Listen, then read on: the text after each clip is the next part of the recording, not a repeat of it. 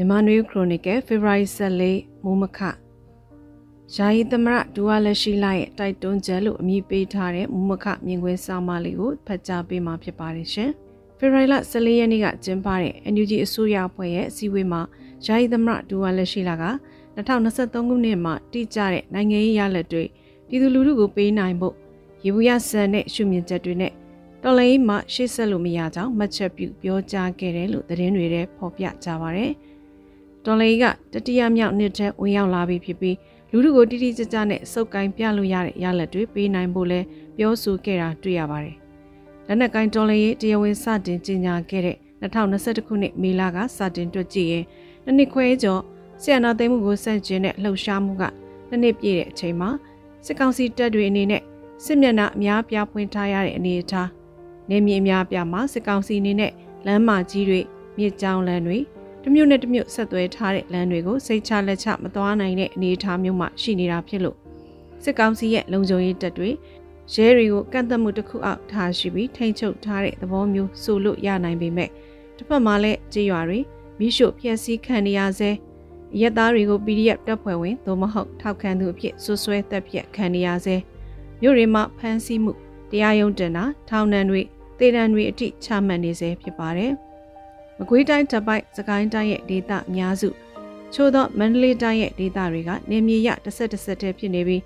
လက်နက်ကင်တိုက်ခိုက်မှုတွေကျင်းရွာမိရှုခံရမှုတွေပိုင်ဆိုင်မှုတွေဖျက်ဆီးယူဆောင်သွားတာခံရတာတွေဖြစ်နေစေဖြစ်ပါတယ်။ PDF တပ်ဖွဲ့ဝင်အဖြစ်ပါဝင်တိုက်ခိုက်နေသူတွေကတိုက်ခိုက်နေကြပြီးဂျမ်မီသားစုဝင်တွေကျင်းရွာသူကျင်းရွာသားတွေအနေနဲ့မိမိတို့ရဲ့အသက်မွေးဝမ်းကြောင်းကိုလုတ်ကိုင်းနိုင်တဲ့အခြေအနေမျိုးရှိမနေပဲ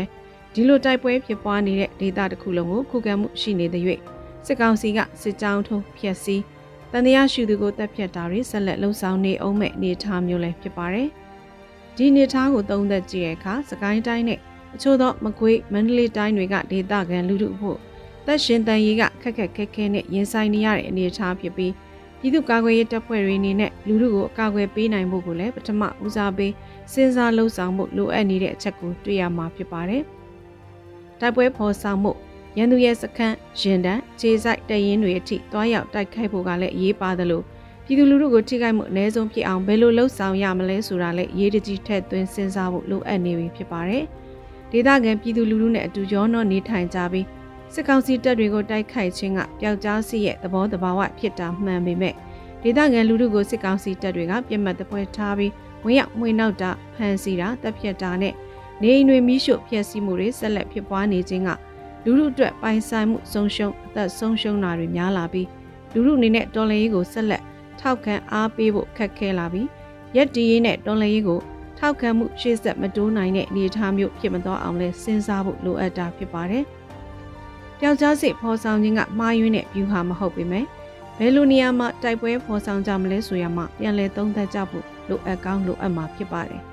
စကိုင်းတိုင်းရဲ့ပထဝီအနေအထားနဲ့ခြားသောဒေသပြည်နယ်တိုင်းတွေရဲ့ပထဝီအနေအထားမတူညီကြတာလဲတဘာဝလဲရှိကြတာဖြစ်လို့